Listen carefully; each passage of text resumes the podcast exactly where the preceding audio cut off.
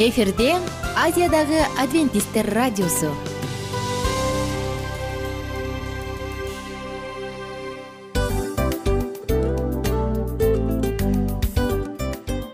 Достор салют. Баардык сүйүктүү угармандарыбызга салам айтабыз. Кутман күнүңүздөр менен. Ден соолук өмүрдүн булагы демекчи саламат саамы программасында баарыңыздарды көргөнүбүзгө абдан кубанычтабыз. Анда алгач амандашып өтөлү арбаңыздар деп. Ден соолугуңуздар кандай элибизде көбүнчө ден соолук кандай дегенде эле жакшы деп жооп беребиз э? ооруп турсак дагы жакшы дейбиз. Анан мен муну айтып ойлойт элем бул абдан сонун сөз депчи анткени бул жакшы деген үмүт да э ооба баары жакшы болот. Баары сонун. Деп үмүттөнүп атып эле өзүбүздү өзүбүз дарылап коебуз. Анысы кандай сиздин дагы ден соолугуңуз жакшы беш деген үмүттөбүз чындыгында ден соолук бул өмүрдүн булагы деп бекеринен айтылган эмес деп ойлойм. Кыргыз элинде анткени эгерде ден соолук жок болсо анда адамдын жашоосунда калган баардык керектүү маңыздуу нерселер өзүнүн баалуулугун жоготуп коет. Ошондуктан ден соолук бул эң керектүү нерсе. Ооба туура айтасың кесиптешим. Чынында ден соолугуң жок бир эки үч күн ооруп калсаң эле э кандай болуп калат? Жашоодо көз каранды болуп каласың көп нерсеге жетишпей каласың көп нерсени кыла албай каласың жада калса эшикке дүкөнгө да чыга албай каласың. Туптуура анан ден соолук болсо демек биз биздин бактыбыз тотой деп койсок болот. Анда достор саламат саамы рубрикабызды баштайлы. Алдыда өзүңүзгө керектүү болгон сонун кеңештерди уга аласыздар. Мына ошондуктан биз менен бирге болуңуздар. Ал эми биз болсо милан жана айнура. Кеттик алга. Алга саламат саама ден соолуктун жарчысы. Саламат саама ден соолуктун ачкычы. Күн сайын сиз үчүн мыкты кеңештер сонун жаңылыктар кызыктуу фактылар биздин рубрикада.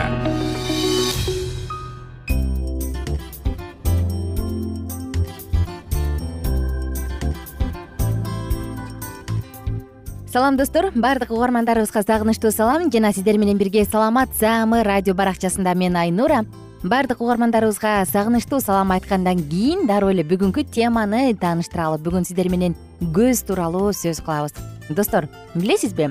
Биздин жашообуздун сапатынын көп бөлүгү биздин ушул көрүүбүздөн көз каранды элестетип көрүңүз. Анткени мээге маалыматтын сексен пайызы көз аркылуу келет. Көздөр маалыматты жөн гана албастан андан ары өткөрөт.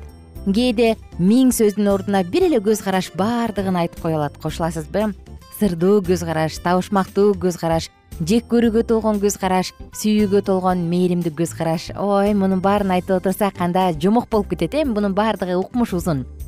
Көрсө достор көз көрүү функциясынан тышкары дагы башка көптөгөн функцияларды аткарат экен. Илим анын функцияларын эмдигиче толук изилдеп бүтө элек. Дагы да болсо изилдөөнүн үстүндө бүгүн сиздер менен кызыктуу ачылыштардын үстүнөн сөз кылабыз. Мына ошондуктан биздин уктурууну калтырбастан жакшылап тыңдаңыз. Андан сырткары эгерде биз көздүн түзүлүшүнүн өзгөчөлүктөрүн түшүнүп алсак бизге анын иштешин жана кантип ар бир структурасынын элементтеринин саламаттыгын сактоону жакшыраак түшүнүп алабыз.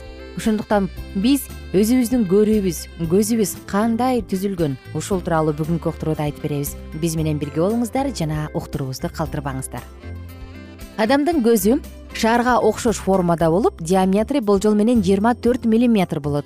Бирок кичинекей болгону менен бул шарик организмдеги анатомиялык жактан эң эле татаал механизм.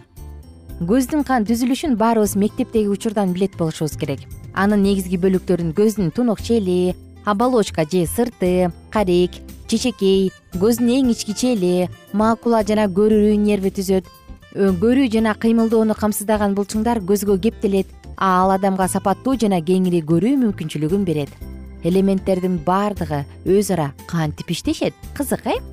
Көз кенетей болуп турганы менен кандай кыйын функцияны аткарат? Келиңиздер карап өтөлүк. Биздин программабызды угуп атканда угармандар көздөрүн карап же көздөрүн күзгүдөн карап атат болуш керек. Балким кармалап көрүп аткандыр.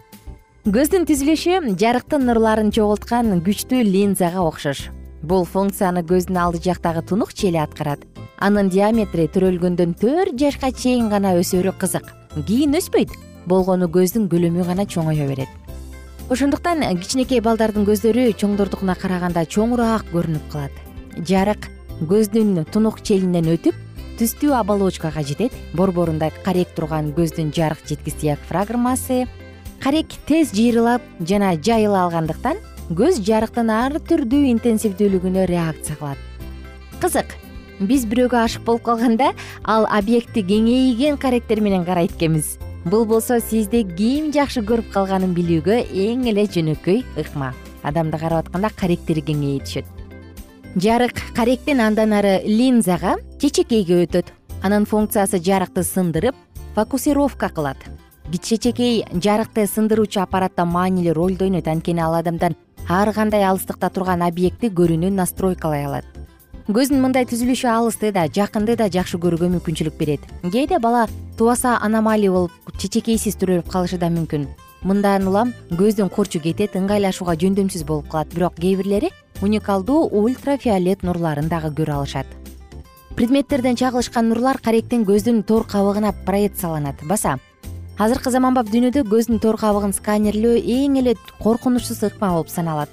Түстүү оболочкада эки жүз элүүдөн ашуун уникалдуу характеристика бар. Ал эми кадимки эле манжалардын изинен адамды идентификациялоонун болгону кырк гана зацепкасы болот. Көзүбүздүн төр кабыгы экранга окшошуп кетет андан бизди курчаган дүйнөнүн сүрөтү көрсөтүлөт. Башында тескерисинен көрүнөт. Мисалы жер жана бактар тор кабыктын үстүңкү бөлүгүнө ал эми күн булут астыңкы бөлүгүнө. Азыркы учурда сиз карап жаткан нерсе көздүн тор кабыгынын борбордук бөлүгүнө берилип жатат. Же фовея чуңкурчасы десе болот. Ал макуланын борбору болуп саналат же болбосо сары тактын борбору. Көздүн дал ушул участогу көздүн даана көрүүсү үчүн жооп берет. Фовеянын анатомиялык өзгөчөлүктөрү анын жогорку жөндөмдөрүн аныктайт. Адамдарда бирден бир гана борбордук чуңкурча болсо каргыча укушунда ар бир көзүндө экиден ал эми мышыкта узун полоска түрүндө болот. Ошондуктан кээ бир куш чымчыктардын көрүүсү биздикине караганда курч болот. Көзүбүздүн ушундай түзүлүшүнөн улам биз майда предмет жана деталдарды көрө алабыз жана түстөрдү дагы айырмалай алабыз.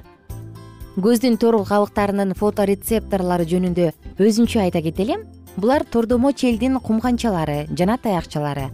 Алар көзүбүзгө көмөктөшөт тордомо челдин кумганчалары түстүү көрүүбүзгө жооп берет. Ар кандай түстөрдү? Алар таякчаларга караганда бир топ сезимтал. Биз көргөн баардык түстөр үч негизги спектрдин комбинациясы бул кызыл жашыл жана көк энеден балага өткөн дальтонизмде жашыл жана кызыл оттенокторго жооп берген тордомо челдин кумганчалары жок болот. Биз дүйнөнү туура көрүшүбүз үчүн көздүн жумушуна мээ кошулушу керек ошондуктан тор кабыкка чогулган маалымат көрүү нервине берилет. Ал үчүн ал электрикалык импульстарга айланат. Нерв ткандары аркылуу мээге жиберилет дал ушул жерден анализатордук жумуш башталат. Мээ ага келген информацияны иштеп чыгарат анан биз дүйнөнү кандай болсо ошол бойдон кабыл алабыз. Күн асманда жер бут алдыбызда бул фактты текшериш үчүн биз атайын специалдык атайын көз айнектерди тагынсак болот ал баардык сүрөттөрдү биз көргөн нерсени өйдөдөн ылдый кылып коет. Бир нече убакыт тагынып тургандан кийин мээ ошого көнө түшөт. Анан кайра көз айнекти алгандан кийин баардыгын кандай болсо ошол бойдон көрө алабыз. Кызык достор таң калыштуусу дельфин жана крокодилдердин өздөрү эле бир жарым шарын мээсинин бир жарым шарын өчүрүп кое алат. Бул учурда алардын бир көзү ачылып турат ал эми экинчи көзү жумулуп иштей берет. Элестетип көрүңүз. Ал эми кадимки эле арылар бар эмеспи? Алардын көзүндө шамалдын багытын жана ылдамдыгын атайы ушундай белгилеп эсептеп турган атайын рецепторлор бар. Эх достор элестетип көрүңүз. Бир эле секунд ичинде биз элүү предметке жакын нерсени байкап кое алабыз. Мунун баардыгын карап отурсаң укмуштуу мүмкүн эместей сезилет. А бирок чындыгында биздин көрүүбүз жашоодогу эң эле кереметтүү нерсе. Жана биздин көрүүбүз эволюцияны жокко чыгарат. Достор баардыгыңыздар менен амандашканыбызга абдан кубанычтабыз. Ушул жерден жыйынтыктайбыз дагы саатыбызды кийинки жолу улантабыз. Күнүңүздөр көңүлдүү улансын бар болуңуздар жана маанайыңыздар дайым беш болсун саламат саама ден соолуктун жарчысы. Саламат саама ден соолуктун ачкычы. Күн сайын сиз үчүн мыкты кеңештер сонун жаңылыктар кызыктуу фактылар биздин рубрикада. Салют замандаштар баарыңыздарга ысык салам. Дил маек программабызга кош келиңиздер. Дил маек рубрикасы дегенде эле бул эмне болгон дил маек ким менен маектешебиз деп сурайт болуш керек угармандарыбыз бул рубриканы кыскача тааныштыра кете турган болсок ар тарап кесип ээлеринен болгон сонун интервью кеңештер бар. Ооба. жылдыздар менен болгон маек бар. Аталарыбыздын агаларыбыздын чоң аталарыбыздан сонун кеңештер бар. Ошондой эле эже сиңдилердин кеңештери бар айтор. Баардык кызыктардын баары алдыда. Негизи эле адам баласы бир кимдир бирөөнө ишенип сырын ачкысы келет эмеспи э мындай баарлашууга жакын келебиз го? Албетте. Негизи бир жерге отуруп алып кенен шашпай баягы жүрөктөн жүрөккө ачып сырларыбызды ар кандай көйгөйлөрүбүз менен бөлүшүп баягы чын жүрөктөн маек курганды кимибиз сүйбөйбүз э? Ооба десең ал нерсеге суусап да келебиз да? Ооба кээ бирде адамга чындыгында баягы э, ысык маек баягы жылуу маек жетишпейт да. Ошондуктан биз ушул рубриканы ойлоп тапканыбызда эң биринчи эле достор сиздер менен чын жүрөктөн бир маңыздуу темаларды козгоп кеткени э, кааладык. Ошондуктан ушундай сонун бир рубриканы тартуулап жатабыз. Анын үстүнө радио дагы сонун дос да анткени э, мындай учурда досуңа айтсаң досуң досуна айтат досу досуна айтат да анан бүт өлкө билип калышы мүмкүн го. А радио болсо сени сатпаган сенин айыбыңды ачпаган сенин сырыңды эч кимге айтпаган сонун дос. Мына ошондуктан биздин алдыдагы айта турган кеңештерибизди биздин досторубуздун кеңештерин угуп анан ал жака пикириңизди дагы калтырып кайрадан биз менен байланышсаңыздар болот. Деги эле жашооңузга эгерде кичине болсо дагы өзгөрүү алып моралдык жактан нравовалык жактан сонун бир кеңештерди алсаңыз демек биз максатыбызга жеттик. Ооба. Чыңгыз атабыз улуу жазуучу э, чыңгыз айтматов айткандай адам болуу бул күнүмдүк процесс экен. Күн сайын адам бойдон калуу бул адамзатка эң эле кыйын дейт э? э эң кыйын дейт. Чындыгында бунун э, негизинде адамдын эң баягы сапаттуулугу адамдын адамгерчилиги жана көптөгөн керектүү нерселер. Мына ошол темалар дагы бизде э, ушул дил маекте биз аларды да козгойбуз. Э, ден соолук жөнүндө да сүйлөшөбүз. Сөзсүз түрдө. Анан милан мырза негизи айтып коюшат го. Э, биз көбүнчө эмнени ойлонсок ошол нерсеге карата иш кылабыз го. Ооба. Анан анысы кандай балким бул радио баракчада кимдир бирөөнүн оюн текшергенге жардам берет кимдир бирөөнүн жүрөгүн текшергенге жардам берет. Балким кимдир бирөөгө жашоонун маңызын тапканга жардам берер. Айтор кызыктын баары алдыда бул жөн гана кыскача жарнама анда угармандарыбыздын баардыгын кийинки рубрикабызга чакырабыз. Ал эми кызматта маңдайымда отурган кесиптешим милан жана мен айнура. Анда эмесе биз даярдаган терең терең ойлор менен таанышууга кеттик. Алыс алыс баралык анда эмесе достор биз менен бирге болуңуздар. Алдыда эң кызыктуу маалыматтардын баардыгы бир нече мүнөттөр бою жалгыз гана сизге арналат мына ошондуктан жакшы маанай менен угууну каалайбыз. Үн алышканча. Жөнөдүк. Ар түрдүү ардактуу кесип ээлеринен алтын сөздөр жүрөк ачышкан сыр чачышкан сонун маек дил маек рубрикасында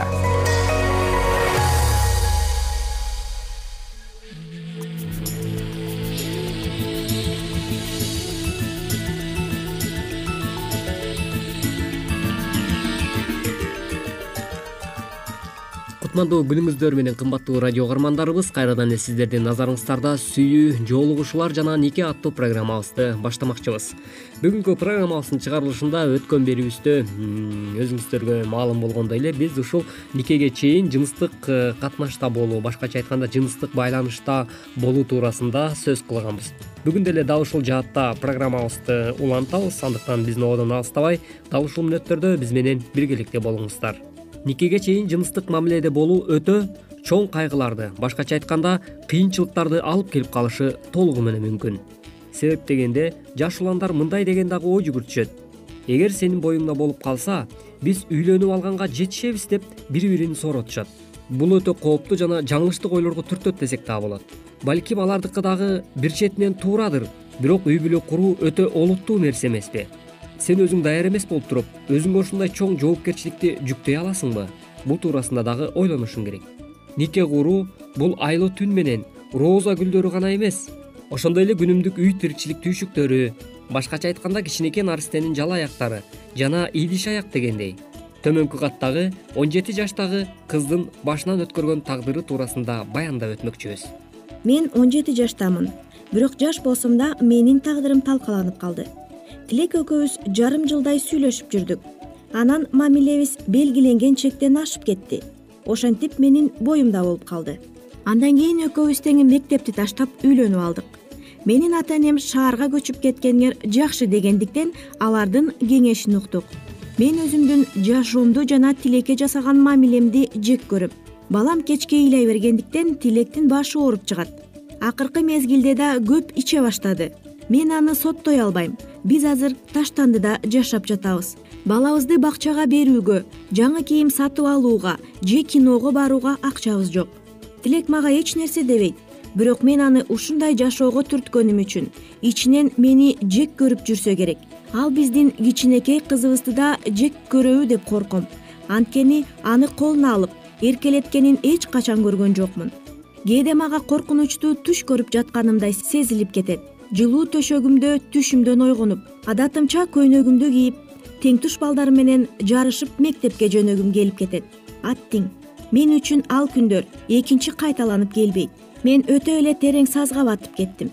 Мен муну силерден кеңеш алуу үчүн жазып жаткан жокмун.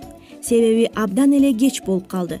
Менин силерге кат жазып жибергенимдин себеби мага окшогон жаштар жеңил ойлуулук кылып мен кетирген каталарды кетирбеш үчүн жазып жатам чынында эле төмөнкү каттагы окуя абдан кайгылуу окуя болуптур бул сага ылайыктуу адам менен аргасыздан баш кошууга алып келиши мүмкүн деген ой жаралат. Сөзсүз түрдө эгерде сен жаштык жана мастык кылып дене кумарына алдырып ушундай иштерге барган болсоң жашооңдо мындай тагдырларга туш болуп калышың ыктымал. Андыктан бул туурасында жаштар ойлонушубуз зарыл экен. Никеге чейин кимдир бирөө менен жыныстык мамиледе болсоң чыныгы сүйүүмдү таптым деп ойлоп бул эки адамдын ортосундагы табыгый тартылуу экендигин же жөн эле дене кумары экендигин эсиңден чыгарып коюшуң да ыктымал. Силер шашылып чечим чыгарып үйлөнүп алгандан кийин гана чоң жаңылыштык каталарды кетиргениңерди кеч түшүнүп калганыңар өкүнүчтүү. Бул чындап эле сүйүү эмес экендигин сен дене кумарына гана алдырып калганыңды кеч түшүнүп каласың. Ар бир нерсени кылып жатканда өзүңдүн жашооңо анализ жүргүзүү абдан зарыл экен никеге чейинки жыныстык мамиле дагы бул сенин үй бүлөңдүн бузулушуна алып келиши мүмкүн. Кээ бирөөлөр акыры үйлөнсөк болду. Анан баардыгы өз жайында болот деп ойлошот. Бирок бул андай эмес. Баардык талаптарга жооп берген учурда да бактылуу үй бүлө куруу оңой эмес. Үй бүлөнүн пайдубалы туура эмес негизде курулган учурда айтпай эле коелу. Бул таптакыр мүмкүн эмес. Никеге чейин жыныстык мамиледе болгон адамдар үй бүлөлүк турмушта да бактылуу боло алышпайт кечээ никеге чейин жыныстык мамиледе болгон адамдар үйлөнүшкөндөн кийин баардыгы жайында болот деп ойлошот. Бирок ушуга чейин алар сепкен ишенбестиктин шектенүүнүн үрөөндөрү өзүнүн ачуу жемиштерин бербей койбойт. Жыйырма жыл никеде турган бир үй бүлө белгилүү психолог генри грант менен кеңешип турушчу. Ал ошол үй бүлөнү сактап калуу үчүн болгон күч аракетин жумшайт. Күйөөсү менин аялым мага ишенбейт дейт. Аял ага сен деле мага ишенбейсиң деп жооп берет. Биз эч качан бири бирибизге ишенген эмеспиз. Эмне үчүн алар эч качан бири бирине ишенген эмес? Себеби алар никеге чейин жыныстык мамиледе болушкан.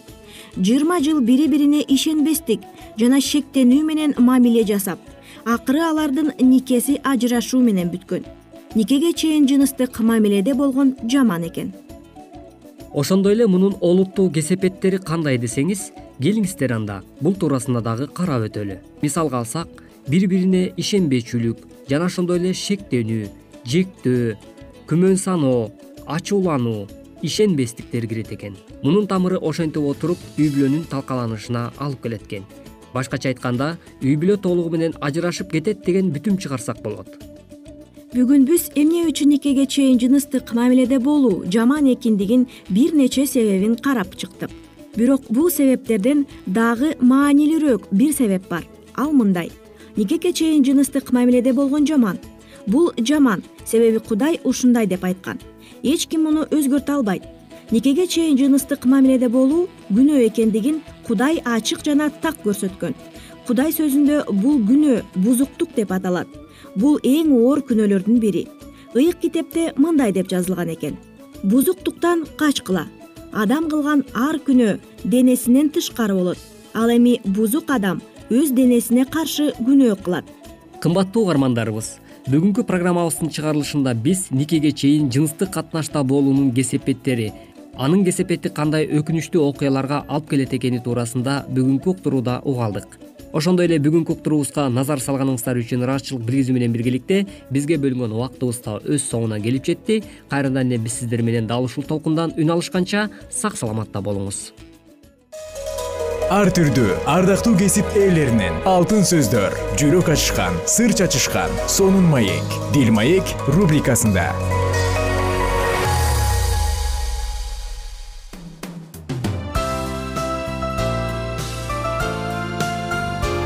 эфирде азиядагы адвентисттер радиосу.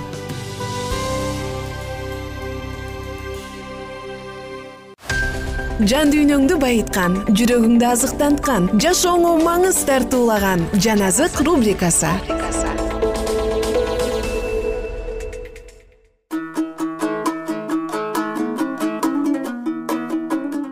Арбаңыздар кадырлуу кыргыз калкым жана ар бир кымбаттуу угарман сиздер менен кайрадан улуу күрөш китебин улантабыз. Биз менен бирге болуңуз жана эң сонун чындыктардан кабардар болуңуз. Папанын жактоочулары өз жыйындарын курмандык чалчу жайларын жана кийимдерин айкаш жыгачтын сүрөттөрү менен жасалгалашат. Бардык жерде айкашкан жыгачтын белгилерин көрүүгө болот. Сыртынан бардыгында айкашкан жыгач жогору туруп баркталган сыяктуу. Бирок машаяктын окутуусу маанисиз каада салттардын жалган талкуулардын жана кереги жок катаал эрежелердин алдында көмүлүп калган. Фанатик иудейлерге айткан куткаруучунун төмөндөгү сөздөрү римдик католик чиркөөсүнө андан дагы тийиштүү болуп эсептелет. Оор жана кыйындык менен көтөрүүчү жүктөрдү эрежелерди ойлоп чыгарышат жана адамдардын ийнине салышат. Өздөрү болсо аларды бир бармагы менен дагы жылдырууну каалашпайт матай жыйырма үчүнчү бап төртүнчү аятта ушундай сөздөр жазылган. Чын ишенген адамдарды кемсинтилген кудайдын алдында коркуп жүрүүлөрүн каалашат. Ошол эле мезгилде көп сандаган чиркөөнүн дин кызматчылары жыргап бейкуттукта жана кумарларын канагаттандырышып жашоодо. Сүрөттөргө жана өлгөндөргө таазим кылуу ыйыктардын жактоочуларын жана папанын даражасын көтөрүү булардын бардыгы адамдарды кудайдан жана анын уулунан алагды кылуу үчүн колдонулган шайтандын ыкмалары. Адамдарды өлүм чуңкуруна түртүү максатында ал алардын көңүлүн аларды сактап калууга күчү жете турган кудайдан буруп жатат. Аларды мага келгиле бардык мээнеткечтер жана түйшүк тарткандар мен силерди сооротом деп айткандын өзүнөн аны алмаштыра турган башка нерселерге багыттайт. Шайтан ар дайым кудайдын сапаттарын күнөөнүн жаратылышын улуу күрөш эмненин айланасында болуп жатса ошолорду жалган кылып көргөзүү үчүн сунуштайт. Өзүнүн айлакер жамандыкка азгыруусу менен кудай мыйзамынын алдында жоопкерчиликтерин төмөндөтөт жана аларды күнөө кылууга акысы бар экендигин үйрөтөт. Ошол эле мезгилде ал аларга кудайдын башкача кылып көргөзгөндүктөн алар аны сүйүүнүн ордуна андан коркушуп аны жек көрө башташат азгыруучу кудайга өзүнүн кылган сапаттарын жармаштырат. Жана ал сапаттар диний жол эрежелеринде жана табынуу ыкмаларында көрүнүп келет. Адамдар ушундайча руханий сокур болушуп аларды шайтан кудай менен күрөшүүдө өзүнүн кеңешчилери кылып өз аскерине кошот. Кудайдын сапаттары жөнүндө туура эмес түшүнгөндүктөн бул бутпарастарды кудайга жагуу үчүн адамдарды курмандык кылууга алып келген жана көп сандаган бутпарастардын эрежелеринен үрөйдү учурган зөөкүрдүктөр келип чыккан. Римдик католик чиркөөсү бутпарастар менен машаяк жолун жолдогон адамдардын биригишинен келип чыгып бутпарастар сыяктуу кудайдын сапаттарын бурмалашып ого бетер жийиркенээрлик зөөкүрдүк жасашат. Папанын бийлиги үстөмдүк кылган мезгилде чиркөө өз окутууларын кыйноочу куралдардын жардамы менен өткөрүшкөн. Анын талаптарын аткаруудан баш тарткан адамдарды өрттөө үчүн оттор күтүп турган. Мындай зөөкүрдүк ушунчалык көп болгондуктан өлгөн адамдардын саны кыямат күндө гана билинет. Чиркөөнүн башындагы адамдар шайтандын шыраган үндөрүнүн аркасында кыйноочу куралдарды ойлоп табышкан жана алар адамдарды ушунчалык кыйноого салып бирок өлтүрбөстөн өз иштерин улантышкан. Тозоктун отунан тутанган адамдардын оюна келбеген кыйноолор адам аны көтөрө алганча созулуп ал эми дене бул кыйноону көтөрө албай калганда гана кыйналуучу көптөн бери самаган өлүмдү кубануу менен кабыл алган. Ушундай зөөкүрдүк ким римге каршы чыккан болсо ошолордун баарын күтүп турчу.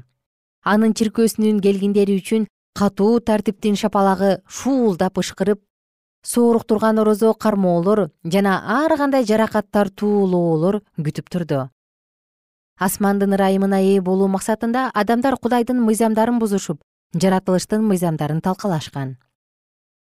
Кудай аркылуу эмне кубаныч жана бакыт алып келе турган болсо ошолордун бардыгынан баш тартууга адамдарды үйрөтүштү. Чиркөөнүн мүрзөлөрүндө миллион деген өз көнгөн жаман адаттары менен жана бир нерсеге байланган сапаттары менен күрөшүүгө аракет кылып жердеги бир нерселер менен кудайга жакпай калбайын деп аракеттенген адамдар көмүлгөн. Шайтандын каны суюк каардуулугун билиш үчүн католицизмдин бир эле тарыхына көз чаптыруу жетишиктүү. Булар кудайды тааныбаган адамдарга эмес кудайды таанып калган чөйрөдө көрүнүп турган. Өзүнүн жалгандыгынын мыкаачылык системасы менен караңгынын мырзасы өз максатына жетти. Кудайдын баркын түшүрүп адамдарды жан ачый турган абалга алып келген жана биз ал өзүн жашырып чиркөөнүн жетекчилери аркылуу иштеп келген иштерин көрө турган болсок анда биз анын мукадаска болгон көрө албастыгын жакшы түшүнө алабыз. Эгерде бул китепти окуй турган болсо анда кудайдын ырайымы жана сүйүүсү ачылып аны ал эч кимге көтөрө албай турган жүк бербей тургандыгын билебиз. Кудайдын адамдардан сураганы бул кайгыруу менен тобо келтирген момун жүрөк жана тил алчаак рух машаяк өзүнүн үлгүсү менен адамдарды түбөлүк өмүргө даярдануу үчүн өздөрүн монастырларга бекитишсин деп үйрөткөн эмес. Ал эч убакта адам өзүндө болгон боорукердикти жана сүйүүнү басып салсын дебеди. Адам канчалык адип ахлагы жагынан жогорулай турган болсо ал ошончолук сезимтал болот. Күнөөнү ал ошончолук курчтук менен тосуп жана кайгыргандарга карата анын боорукердиги дагы ошончо. Папа өзүн жер үстүндөгү машаяктын ордун басуучумун деп айтат. Бирок биздин куткаруучубуз менен теңделишүүгө ал чыдай алат болду бекен эмне машаяк адамдарды зынданга салды беле же ага карата асмандык падышага болгондой кандайдыр бир сый көргөзбөй калгандыгы үчүн кимдир бирөөлөрдү кыйноого берди беле аны кабыл алууну каалабагандарды ал өлүмгө кыйды беле кымбаттуу угарман. Дал ушул суроолордун жообун сиздер менен кийинки уктуруубузда улантып угабыз. Мына ошондуктан биздин жыштыктан эч кайда алыстабаңыздар ар бириңиздерге жаратканым өз чындыгын ачып бере берсин. Ал сизге мол батасын берсин. Жана жашооңуз баталуу бейкут жашоодо өтө берсин. Баардыгыңыздар менен кийинки уктурууда үн алышабыз. Ага чейин сак саламатта туруңуздар